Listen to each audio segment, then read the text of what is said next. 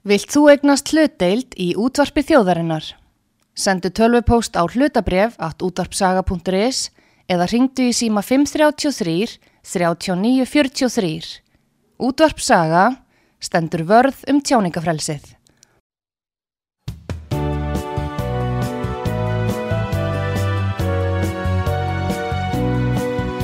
Sýteðis útvarpið á útvarpisögu í umsjón Arnþróðar Karlsdóttur.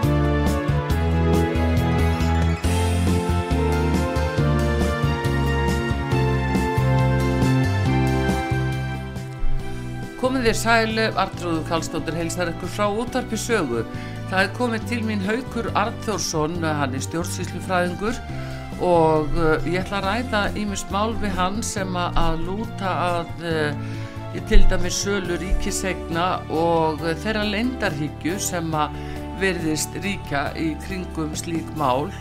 Minnskosti hefur það byrst okkur síðustu árin með þeim hætti og uh, það er síðan spurningin um gegnsægi sem að stöðut er talað um að hlutinir eigi að vera upp á borði en uh, þeir eru það ekki. Og hver er þá réttur almennings uh, í tilfellum sem þessum? Góðan dag Haugur Andrusson og velkomin út að sögu. Já, góðan dag og takk að þið fyrir. Er þau eins og ég segi salar, ríkisegna og uh, leindarhyggja hvað er eila hvaða fyrirbæri er þetta sem að að við erum að, að mæta. Hvernig stendur á því að það kvílir svona mikið lind yfir hlutunum? Við erum að sjá þetta eða allt frá hruni, okkar hruni og getum farið ég minnst að kosti 14 ára aftur í tíma þar sem að hefur virkilega reynd á stjórnmálamenn að upplýsa fólk um hlutina. Já, það það hefur ansið mikið verið talað um þetta á síðustu áratugum Já. og uh, þetta er uh, sko heitt umræðefni allstaðar í okkar heimsluta mm. og hérna ég veit ekki alveg hver ég á að byrja ég byrja ekki bara á upplýsingatæknin í bandaríkjónum að hún hefur augljóslega þau áhrif að ríki að ganga nær almenningi ríki fyrir að skrá um almenning og hótar í rauninni að samtætta það gögn til og getur þá profílerað almenning og þetta veldur því að, að það er sett upplýsingalög 1976 af Lyndon B. Johnson og þau ganga út á það að almenningur hafi rétt á upplýsingum frá ríkinu. Mm. Það er ekki persónuverðarlög og af því að þetta verður tvær hlýðar, það er ansveg að persónuverð til að verða almenning fyrir þessu fyrir þessu hérna fyrir þessu skráningu hins ofnbæra og hins vegar að rétta hlut alþingis, eh, rétta hlut almennings. Þetta varðar það hvert upplýsingartæknin beinir ljósi sínu, beinir hún upp á við eða beinir hún því niður á við. Og þannig eru sett fyrstu uh, svona stóru upplýsinga lögin 76 og svo fylgir Evrópusambandið á eftir og, og, og við fáum hérna upplýsingalög 1996 ef við maður rétt og það er frá Evrópu. Og það er búið endur nýja þau einu sinni síðan. Og Evrópusambandi hefur síðan gengið lengri í persónuverðarmálum en, en Ameríkarnir e, e, gerðu það reynda líka. Þeir, þeir e, hérna þeir men, helsumála, mentamála og í rauninu félagsmála yfirvöldin í bandaríkjónum samþýttu á sínum tíma Fair Information Practice Principle sem var um sangirni í því hvað mátti byrta það eru rauninni fyrstu persónuverndarlögin. Og að þessu sögðu þá hefur þessi uh, barátta sem eins og ég hef séðan í tölvuheiminum þar sem hún hefur verið mjög ábrandi sko hún hefur staðið við stjórnvöld alveg síðan og gengi mjög misvel í sumum ríkjum virðist þetta ganga bara mjög vel og svo í sumum ríkjum sem standu okkur nálægt og gengur þetta aðeins verð Já, ég, sko, er ef við lítum eins og hérna á Íslandi að núna bara við tökum það sem hefur nú verið nokkuð í umræðinu núna og, og það ekki ástæðalösu, það er bara með þess að svona rakna upp eldri mál eins og bæði hérna, íbúðalánasjóður fyrst og síðan náttúrulega lindarkvólsmáli og sem er eitt stærsti stærsti fjármálagjörningur í sölu ríkisegna allra tíma. En það er skýrsla sem likur fyrir frá ríkisendurskoðun þá uh, frá 2018 sem er ekki enn búið að skila. Og svo núna bankasallan og það er enn lengt yfir hlutunum í, í kringum Sölun og Íslandsbanka. Þetta eru málinn sem við erum að horfast í augu við núna hérna á Íslandi. Já, það er alveg rétt og ég treysti mér nú ekki til þess að veri miklum fordaminga gýr svona gagvart einstökum málum. Það, þetta Lindarkólsmáli náttúrulega orðið ótrúlega gamalt og það komið mjög óvart að fórseti alþengis skildi stoppa skýsluna uh, hann gerir það að vísa með málumlegu rökum að, að sé ekki, hún sé ekki full unnin sem er nú svolítið ósennilegt svona lungu síðar. En, en við skulum þá vona að hann byrti hana þegar hann telja hana full unna. En málið er það að þetta hefur daldið tekið á sig mynd sko, þá, þá mynd að alþingi sé að berjast við, við framkvæmdavaldið það er að segja alþingi er með stopnarnir eins og, eins og hérna nefndir sem leita eittur upplýsingum og eru með uh, fyrirtöku á fólki. Alþingi er með umbóðsmann alþingis sem er mjög ötull í það að veita uh, leita framkvæmdavaldinu aðhald.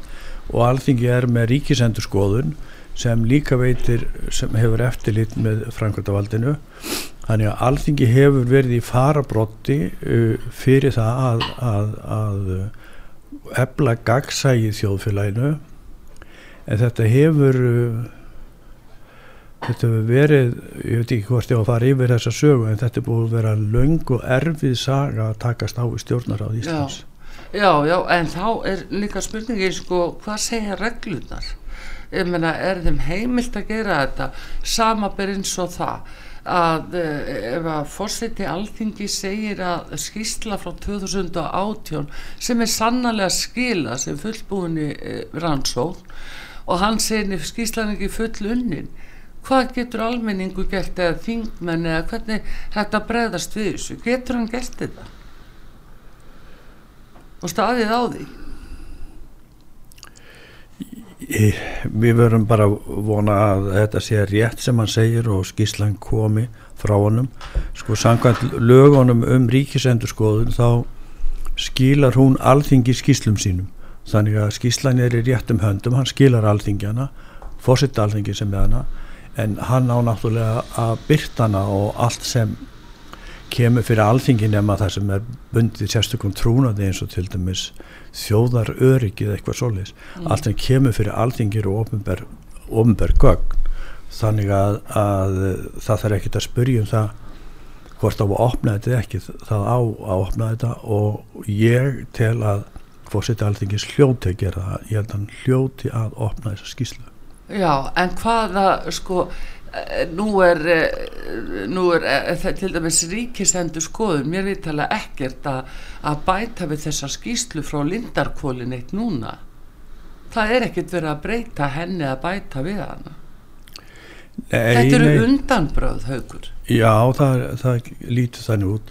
En eins og ég sagði ég treysti mér nú eiginlega ekki til þess að, að tjá mig um þessi mál. Sko það sem gerist með þessi máli er að þau geta orðið svo pólitist og þá getur verið svolítið erfitt að greina hvað er satt og hvað er ekki satt og, og hvað er, er raunverulegt. Það er eh, það er nú einu sinni þannig að allur ofnberrekstur er uh, ekki alveg eftir línu, hann, hann getur uh, haft sína veikleika og það, menn getur gert mistök alveg sem menn gera á engamarkaði all stór félög það verða mistök og ef þú leggur fram bókald stórs fyrirtækist þá sérðu mjög margt að.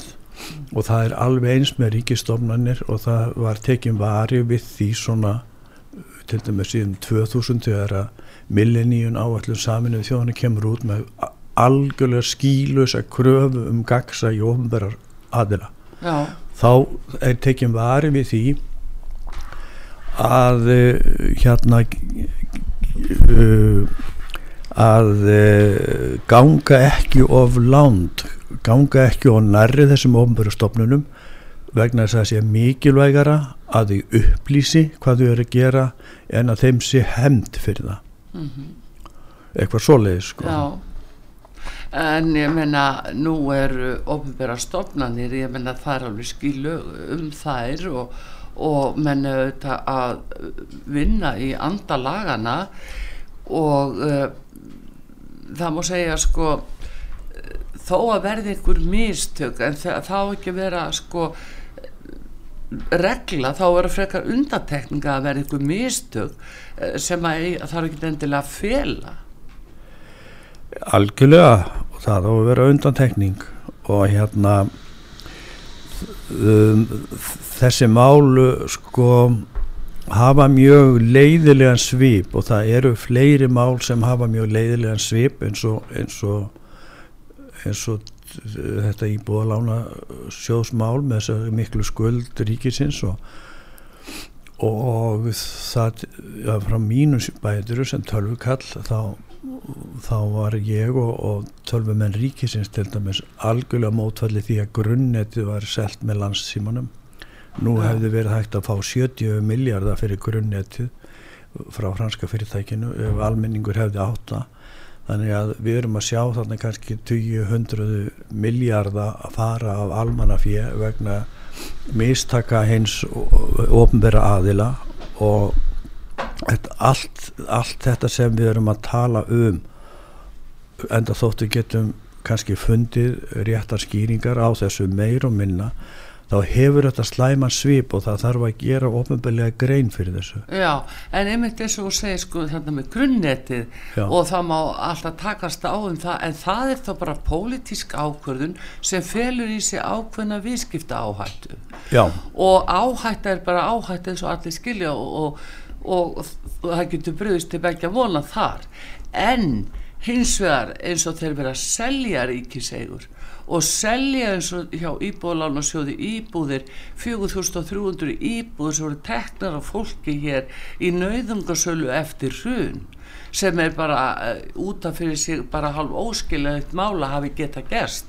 Það er svo annar mál, það var pólitísk ákvörðun en síðan er það pólitísk ákvörðun líka að leifa ráð þeirra að selja þetta til svona uh, þeirra sem voru henni þóknarleir á þeim tíma.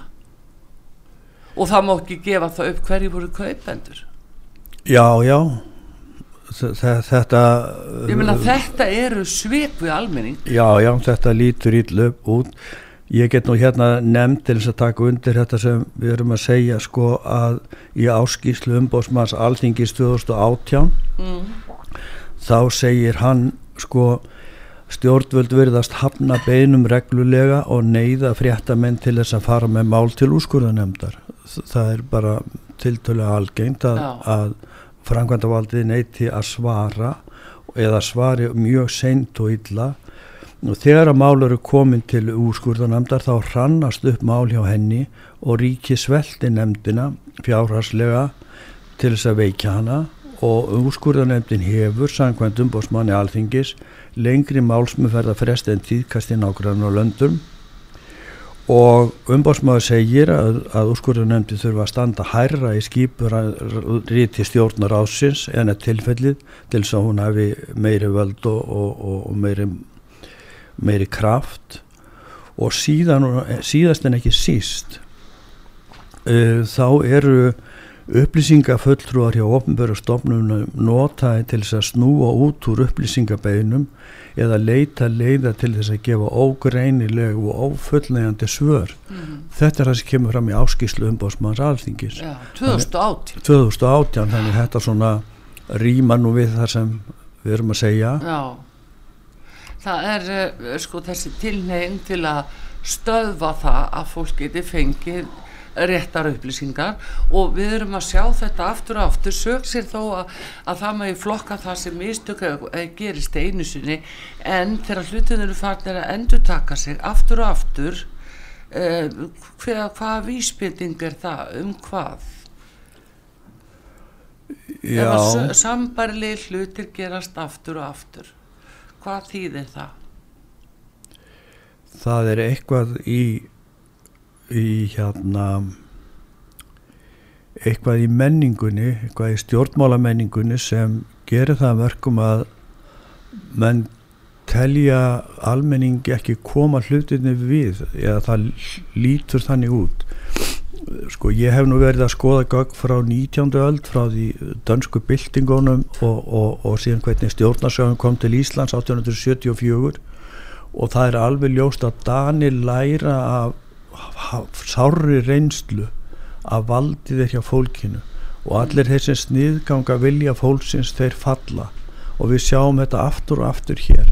Við sjáum Jóhannu stjórnuna berjast gegn alþingi í æsefmálinu og hún fellur og samfélkingin hverfurnast því. Og, og við vitum að valdið er hjá fólkinu eins á Íslandi eins og í Danmörku. En það er eins og þessi þekking líkið til grundvallar öllu pólitíski starfi í Danmörku.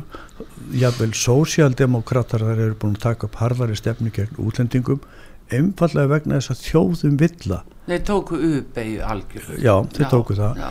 Og, en við sjáum hér að 80% þjóðarinnar vill ekki selja ríkisbanka og mönnum er bara alveg sama menn bara hrista hausin þannig það er engin áhuga á því hér að hlusta á almenning. Og þá já, þetta lítur svona frekar illa út allt saman. Og, og þá fyrir við að tala um líðræðis hlutverk umræðunar hvað er upplýst umræða?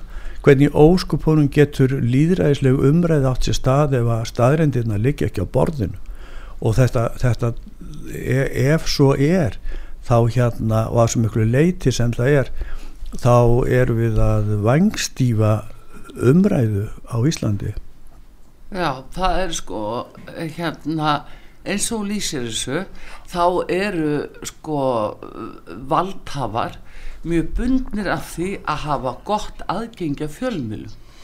Þar er umræðan, umræðan er í fjölmjölunum, jú hún er inn á alþingi sannlega og stjórnaranstaðan reynir kosti, að, benda á hlutina á öllum tímum. En, en það er fjölmjöla umræðan og áhrif stjórnmálamanna inn í fjölmilana er gríðaleg þeir eru núna fartir að borga sumum fjölmilum og er líklegt að þeir fari þá að setja ofan í við já þá sem að, að brauðfæðir þá. Er það líklegt? Þú sem stjórnsýslu fræðingur hvernig, hvernig lítur þú á þetta mál? Þeir eru mjög háðir því til dæmis þeir eru með ríkisútvarp hér sem að kannski allir eru meira að minna sammálu um að hafa í einhverju formi en það er árið gríðarlega stort batteri þeir eru líka bæði á auðlýsingamarkaði og með tekjur í gegnum löggjöf þeir eru begja megin borsins og þetta láta menn viðgangast af því það hendar valdtöfum eða hvað? Já þetta ánáttúrulega það áður ekki að vera neinn tenging þarna á milli. En uh, það er uh, í sjálfu sér ekki óeillegt að, að hérna að fjölmiðlar fái ofnbæra styrki þeir þurfa þá að sitja allir við sama borð og það þurfa að vera málumlega reglur um það hvernig þær koma. Þannig að það sé á engan hátt háð mati pólitíkusa hverjir fá og hverjir ekki. Það, það má ekki vera neitt þannig. Til þess að skilja hann á milli og það sé fjórðavaldi sé eh, frjálst. Eins og að vitum við náttúrulega að fjórðavaldið er eh, tölvert háð eh, peningaöflum á Íslandi og það er ekki bara háð ríkinu og stjórnmálamennum það er háð fleiri aðilum. Það já, eru já. stórir og sterkir fjármála aðila sem eiga stóra og sterkar fjölmiðla. Já, en þá höldum okkur samt við þá eins og ríkisútvarpið í þessu tilfelli að þú talar um líðræðist hlutverk umræðunar umræðan upp á ríkisútarpi hún er afskaplega einhlega segjum við hér hún er afskaplega einhlega þrátt fyrir að séu lögum ríkisútarpi að þeir eigi að taka inn margvíslega sjónamið og hleypa öðrum uh, röttum að þrátt fyrir að það sé að uh, hérna viljist uh, valdhafa á hverjum tíma að einhver ákveðin stefnast í tekin. Eins og þetta lítur út núna þá er eins og ríkisútapi sé bara fjölmiðl ríkistjórnarinnar við segjum það hér á útapi sögu. Já, einmitt Já, já, sko ríkisúttarpið er að mínu viti svo ég tali nú bara alveg frjálst sko. Mér finnst að vera á ákveðinni vestrætni línu. Mér finnst að vera óskursýpaðir línu og The Guardian í Breitlandi og uh, norræni miðlarnir eru ekkert langt frá þessu. Ég fylgist til dæmis ágætlega með SVFT í Svíþjóð og það er mikið talað um réttrúnað mm. og það er alveg rétt að það eru þetta byggir á ákveðnum sjónamiðum og, og, og hérna og maður getur spurt sig hvort þessi sjónamið eru að öllu leiti byggja á þeirri þjóðfyrarsker sem að búi til eftir stríð.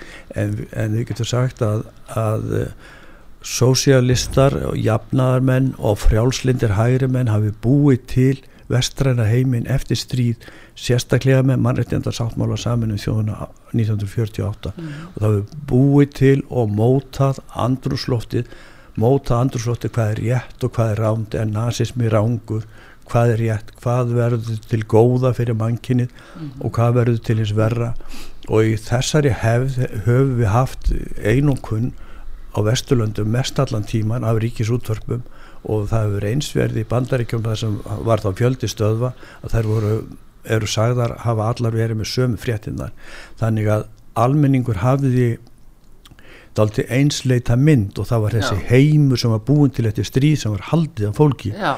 núna hefur það hins vegar gert með netinu að alls konar jæðarskoðanir fá vægi og það virðist tiltölu auðvelt að vekja upp tortrygni uh, með netinu. Og þá koma upp uh, hérna uh, skoðanir bæði með réttu og raungu sem að er síðan hafnað af megin ströms fjölmjölunum og svona þetta er eitt af því sem að veldi fyrir sér í nútíma hvað á að gera í þessu? Mjög gott að þú segir þetta er mitt vegna þess að hver segir að megin strömsfjölmiðlandir að þessi endilega bóða sannleikan er ekki alveg sverið að búa til einhverja mynd sem okkur er ætlað að trúa? Og þú tala líka um jæðarskoðanir hver segir að það séu jæðarskoðanir þó það sé ykkur minni hluti? Það er ekki endilega rángar og það er þetta sem er að skada svo að ef að fólk tekur ekki undir einhverja eintóna umræðu sem er jafnvel að endur speiklast í ríkisútarpinu og frá valdhöfum bellinis frá valdhöfum ef þú gaggrinir það þá átt að vera með samsæriskenningu eða að þá átt að vera jæðarhópur þetta er ekkit eðlileg umræða Nei þetta er þetta er uh, mótsök sem er bara mjög erfið í nútímanum vegna þess að eitt af því sem við segjum sem, uh, sem, sem líð, líðræðið okkar snústum við, eitt af því sem við segjum að líðræðið okkar snústum er að taka til í til minnilutar mm -hmm og einhvað síður er það svo að á síðustu árum og sérstaklega með upplýsingatækninni sem ég fylst með þá hefur verið vaksandi áhugi á því að meiri hlutin keiri yfir minni hlutan þetta kemur frá bandaríkjónum með beinalýðræðinu kröfum þjóðaratkvæða greiðslur við sjáum til dæmis í Breitlandi það sem Brexit vinst á helmingi atkvæða ef helmingur þjóðarinnar er með brexit og helmingur á móti akkur er þá ekki farið bílbeggja mm. það er þetta meiri hluta higgja sem gerir það verkum að ef það er einum fleira á einni skoðum þá vinnur hann málið. Og þessar meginströms fjölmiðlar þeir einfallega þeia minni hlutan í hel og ég get alveg tekið undir það að þetta er ekki líðræðislegt, þetta er ekki taktu okkar grunn Nei. hugmyndir um stöðu minni hluta. Nei og svo líka bara, svo það er enginn sem segir og að, að meginstöðum sjálfmjöla hafi endilega sallikan efstan og lista. Það getur líka allt eins verið stóra fréttin það sem ekki er sagt í meginstöðum sjálfmjölum. Veistu það haugur ég heyrða með þess að síðast á bylgun í morgun að þá var það talið jafnvel frétt að ríkisútarpi hefði núna farið að tala um Lindakólsmálið. Þeim þóst að ég hafði frétt að þeir skildu nú loksins fara að segja frá því eftir fjögur ár. Eigum við endilega að trúa því að þarna sér salli kann að finna? Ég get ekki svarað því. Ég, ég Nei, af því við erum að tala líka um minni hluta hópa og Já. það þykir sjálfsagt að taka til til þeirra og flestir er nú samla því en jáðarhóparnir í, í orðræðinni þeir eru þó líka minni hluta hópur Já, en já. það er engin uh, hérna, ekkert umbörlindi gagvart því að, að taka til til þess að þetta eru ólíka skoðanir. Nei, nei, það þá er, er það bara að ta tala um, um það sem raktirði já, já.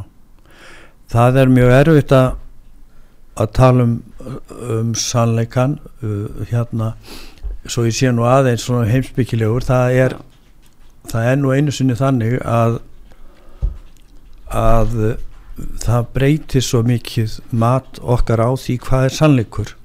Og heilu þjóðirna byggjast afsökunar á gerðum sínum. Heilu stórfyrirtækin byggjast afsökunar á gerðum sínum sem var allt gert á vísindalegum grunni og samræmi við besta sannleika á sínum tíma. Þannig að þetta breytist allt og þegar maður er að meðhandla sannleikan hvort sem maður er fréttamaður eða ekki ef fréttamaður er ríkisútvarpinu eða hvað annar þá þá maður alltaf að sína ákveði lítillæti vegna þess að maður stendur einfallega á þeirri hugmyndafræði sem er hjá deg, í deg, daginn í dag og maður getur vel ímynda sér að sagfræðingar eftir 20 ár segir mikill dæmalus bjáni vastu Já, þannig að maður þarf að sína lítilæti Já, en sjáðu einmitt við þetta endur speglast líka í, í orðræðunni nýru alþingi, við sjáum það og hjá ráðþörum þeir eru alltaf að fara að draga lærdum að öllu. Þegar mistökin eru búin að eiga sér stað þá kemur alltaf, jú, þurfum að draga lærdum að þessu, áttu ekki að draga lærdum aldrei í hruninu? Sýnist þér að hafa verið dregin lærdumur af því Sí- sýnir núna þetta Íslandsbankamál það? Sýnir Lindakólsmáli það að verið degin lærdómar einhverju? Eða, eða Íslands hérna, íbúðalánarsjósmáli Sýn, var einhverju lærdómar dregin að runnu eða hvernig menn uh, gengur fram og hvernig uh, allt gerðist á kostnað almennings? Þetta er bara frasa, þetta eru klísjur já, þetta eru klísjur frá hennu opinbera. Við ætlum að draga lærdóm af því. Það er stjórnsýslan á Íslandi. Svo er eitt en sem kemur hérna, maður Já. segir já en. Já, og Sko- hvað er enn það er, það er þannig að sko stjórnkerfið breytist hægt. Þetta er eins og stór skip á siglingu það beigir hægt. Mm. sko það hefur raunverulega margt gerst síðan í hruninu. Það er allt annað umhverju sem bankarnir starfa í. Þeir eru, þeir eru tiltölu öryggir og, og, og þeir eru ekki útrás. Það er engin svona fjármála vittleisa uh, sínileg eins og var þá og hérna það hefur margt annað skeið til dæmis er meiri, já, um helmingur alls atvinnulífs í landinu komið í sami heilega eigu, þar sé að ríkisjóðunir eiga helming af öllum eignum atvinnulífsins á landinu. Það þýðir það er samíleg eign á svona miklu. Það, í samílegri eign erum við að tala um að siðferðilega kröfur, félagslega kröfur standa bak við atvinnulífi þannig að líkunar á, á, á hérna siðrófi í atvinnulífinu eru miklu minni líka í fjármála geranum þannig að það hafa hluti gerst. Og af því að ég er svo gamall og er búin að skrifa svo lengi róttæka texta um, um hitt og þetta og sagt að þetta þarf að breyta þessu þarf að breyta, hínu þarf að breyta þá verð ég að segja það lengi vel fannst mér ég alltaf tala fyrir döfum meirum og maður getur sagt það er eins og hver skíslan og annari komið á Íslandi hver greinin á fætur annari og aldrei gerist neitt. En í raun og veru er það ekki alveg satt. Það kemur hann en. En þremur árum setna sér maður að orðið er við einhverju sem maður hefur sagt að einhverju leiti Mm þannig að, þannig að það er svo vand með farið að, að alveg alhæfa. Já, það er það. Sannlega, en hérna um, það er hins vegar þegar þú talar um að uh, kerfið breytist hægt og þetta uh, stjórnkerfi uh, breytist hægt er það þá ekki líka vísbending um að við erum alltaf með sama fólki í vinnu, er það ekki bara á lengi? Er ekki ráðnýtti stjóra bara á lengi til dæmis í vinnunni ráðnýttur það er ekki bara að skipta þau út þegar uh, ráðniti stjóri kemur með einum ráð þeirra og fer með öðru þarf ekki bara að, að reyfa, sko hafa meiri reyfingu því það eru ráðnitistjórnarnir sem ráða svo gríðarlega miklu um hvað framgang rá, ráðferðarnir fá. Já, já, hvað hva, hva, hvaða afgriðslu verkefni fá, Já. þeir gera það Já, þú ert erfið í stjórnsýslunni. Já, ég held með Stjórnsýslufræðunum. Þú ert stjórnsýslufræðingur, Haukur Artursson, gestur hér á útarpisögu Ég ætlum að fá auðlýsingarli en eh, ég ætla að halda áfram að tala um þetta við og uh, það er ymmit uh, nefnilega rannsónaskísla Alþingis og niðurstaða hennar frá 2012 þar sagði að stjórnsýsla væri í mólum Við ætlum að fara inn á það hér eftir auðlýsingar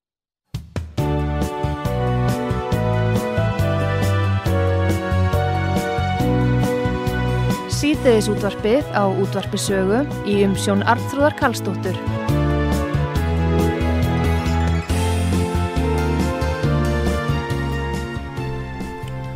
Komið þér sæl aftur fyrir að hlusta út að sögu Artrúð Kallstóttir hér að tala við Haug Arþórsson stjórnsýslufræðing og við erum að ræða um stjórnsýsluna auðvitað og eh, eiginlega sko hinn ótrúlustu mál sem að, tengjast eh, þessari lengdarhyggju sem við kallum hana hér á útvarpi sögu og uh, það byrtist meðal annars í því hvað er sagt í, í fjölmjölum og hvað er ekki sagt. Og uh, við segjum það hér að stundum er það stóra fréttin það sem er ekki sagt. Og það er haugur, ég vil segja við þig það er svona kannski verðt að vekja ennfrekari aðtikli fólks á því að það er ekki nema halvu sannleikurinn sagður oft á tíðum í mjög stóru málum.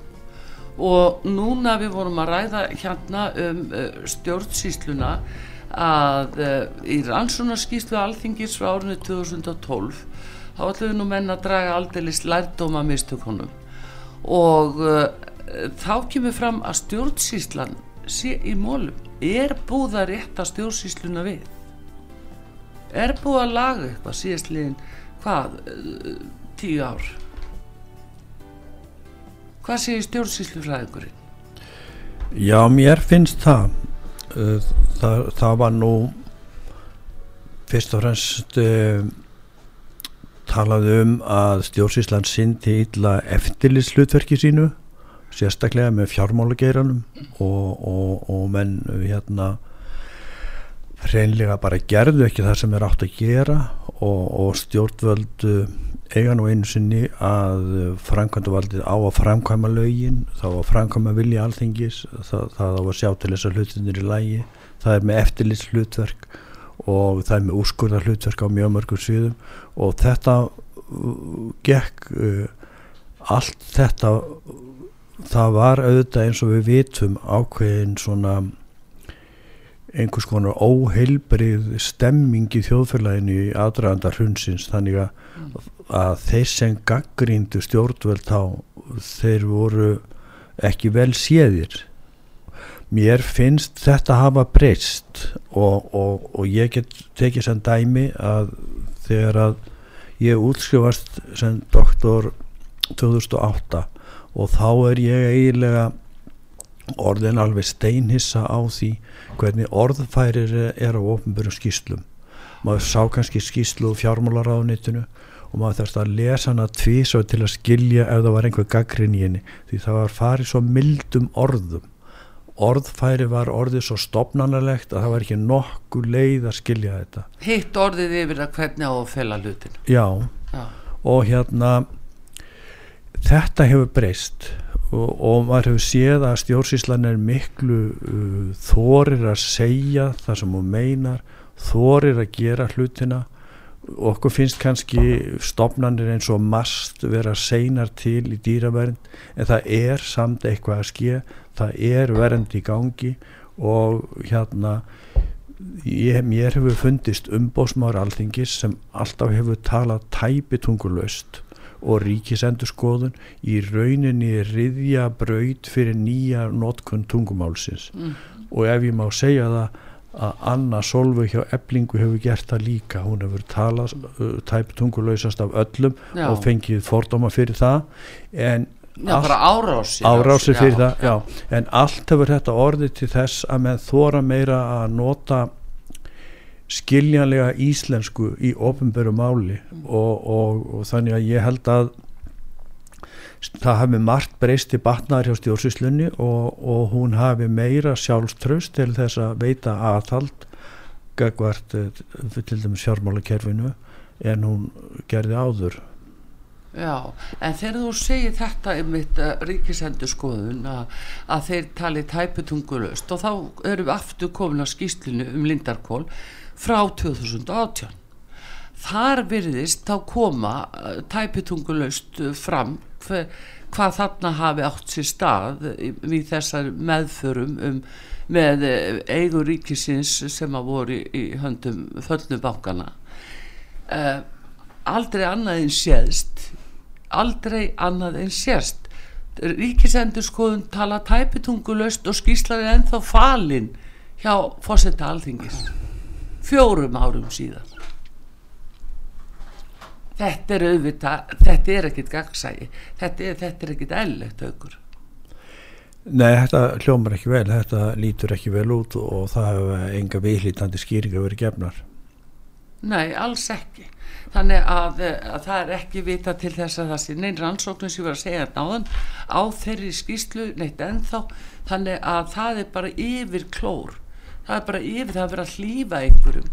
Ég meina uh, sko eins og núna í dag þá er krafa frá uh, alþingi og alþingismenn er að tala um það að þeir vilji frá rannsóknar nefnd alþingis út af Íslandsbankasölunni af því það sagan á að fara að endur taka sig með þessum feluleik er það ekki bara eðlileg afleiðing af þessu að, að við tökum upp þá frekar bara rannsóknar nefndir á vegum þingsins fyrst að þetta er svona?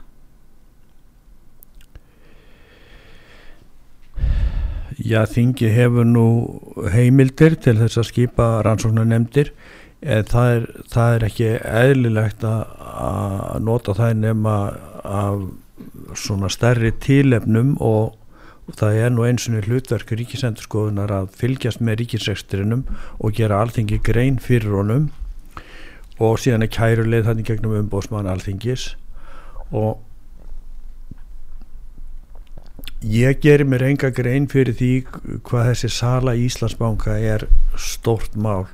Það er þetta er mjög pólitíst og uh, þegar að mál verða þannig þá nei, finnst mér ég oft verið að segja pass mm. þá fyrir maður ekki að treysta því sem maður heyrir og þannig að ég vil ekki segja um það að, að alltingi þurfa að stopna rannsóknar nefndi í því máli síðan er það þannig að fjármála eftirlitið sem hefur styrst alveg gríðarlega og ég þekki aðeins til þess máls þessar, þeirra styrkingar kakvart böngunum og þeirra starfa eftir allt öru regluverkjarni gerðu. Og fjármála eftirliti hefur verið að fá evrósku reglugerðir sem eru mjög strángar um starfsemi fjármála kerfa Mm. og þannig að þær eru svo strángar að það getur verið erfitt fyrir bankan okkar að uppfylla þær. Þannig að þeir getur þurft að saminast þeir eru svo stóra stóðdildir til þess að standa klárir á sínu Já, gagvart fjármáleftirlitin Mm. þannig að fjármáleftirlitið er að mínu viti þá getur annað kemur í ljós um, mjög öflugur aðili til þess að taka fyrir þessa bankasölu og súskísló eftir að koma. Já. svo það er nú kannski ástæð til að býða eftir henni. Eh, Jú, jú, bara býða og býða og býða og býða Já, já. en þetta er svolítið alvægt vegna þess að við erum með stjórnmálamenn í vinnu við erum með ráþera í vinnu hjá þjóðinni. Og, og svo hérna ef að þeir hafa misfarið með valdsitt eða eitthvað annað álíka að þá er eins gott að það komi bara strax í ljós.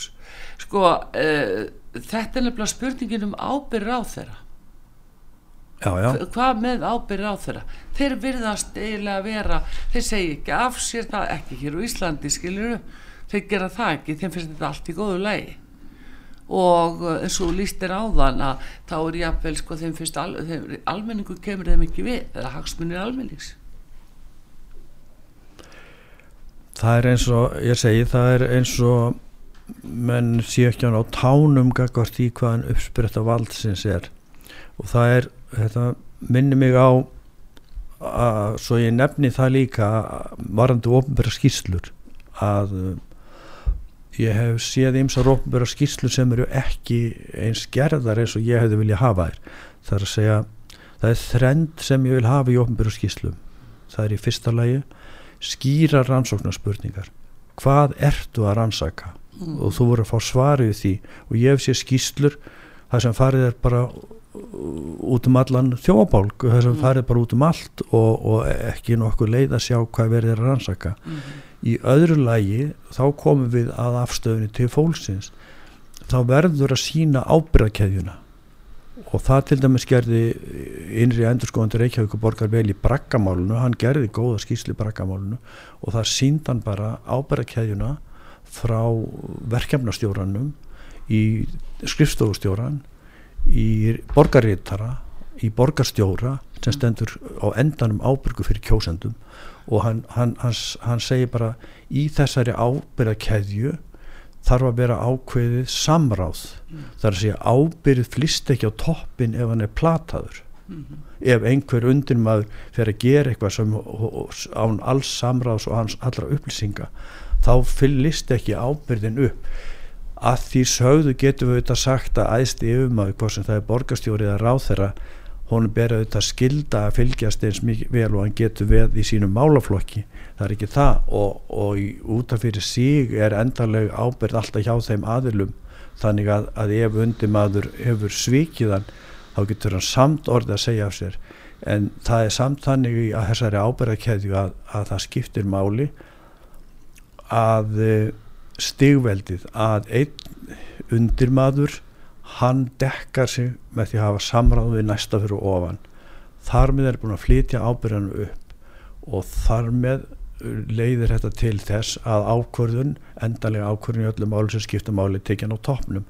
Þessi ja. ábyrðakæðja þarf að koma fram í öllum ofnbyrjum skýslum og fyrir þeim eru teknar sem eru gerðar vegna þess að það leggur þessar skýru línur í því hver er ábyrgu gagvart almenningi. Því það er almenningur, það er hans vald það eru hans peningar sem verður að fara með. Já, það er akkurat þetta og, og sjáðu, haugur bara þegar þú ert að segja þetta að þegar við tölum um ábyrðina þá er sala bankans hún er pólitísk ákvörðun það er ekkert öðruvísi. Þetta er pólitísk ákvörðun.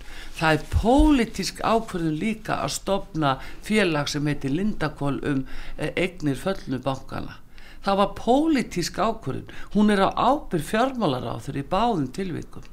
Þetta er fjármálaráður sem ber þess ábyrg hins vegar er það notað að einhverjir hafi ekki vita hvað er voru að gera.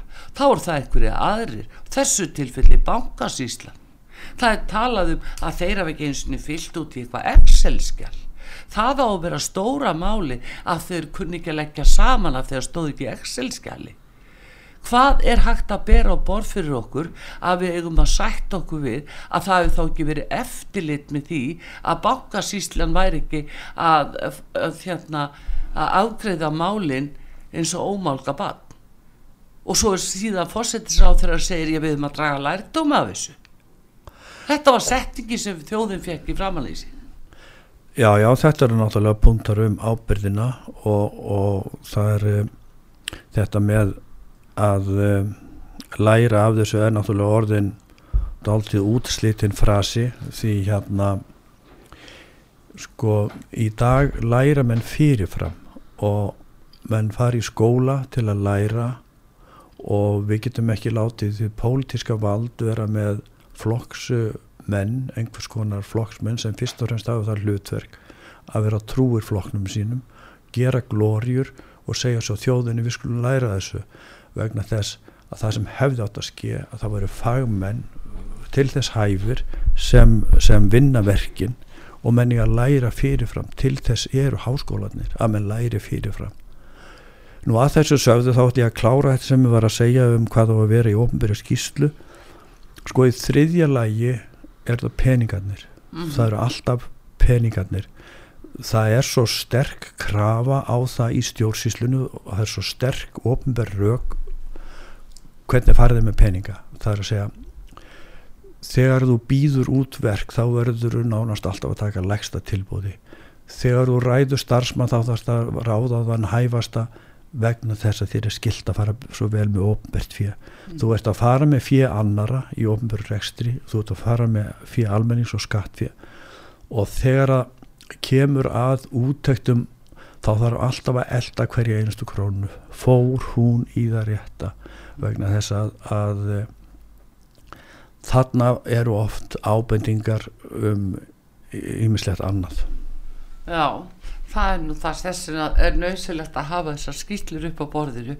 En haugur þess að tími okkar er bara úti núna en hérna það er bara frólægt að, að, að fá þig og ræða þessi málviði uh, út frá sjónamöðum stjórnsýslu fræðings og uh, því að eh, við erum bara strand með hana að í fyrsta lagi fórseti alþingist neytara að fenda skýslu ríkisendur skoðanum lindakólsmálið og síðan núna líka að með hana þessi lendi kvílir eila yfir því hverjir fengu og voru þessir hefnu aðlar sem áttu kaupa náðarsamlegast í Íslandsbáka þetta er eh, nú Ísland 2022 trátt fyrir allt og, og hérna eftir allan það lærdom sem við áttum að draga af runninu Já, já, það er mitt Það er á málið, en bara bestu þakki fyrir komin að hingað á út af sögu Haugur Arþórsson, stjórnsýslufræðingur. Takk fyrir komina og, og gangi er allt í hægin Já, takk að ég kælega fyrir frænka. Það er gaman að koma til þín. Já, og við þökkum honum fyrir og ykkur hlustendur Artrúðu Kallstóttir, Kveður og tæknimaður Daví Jónsson. Verðir sæl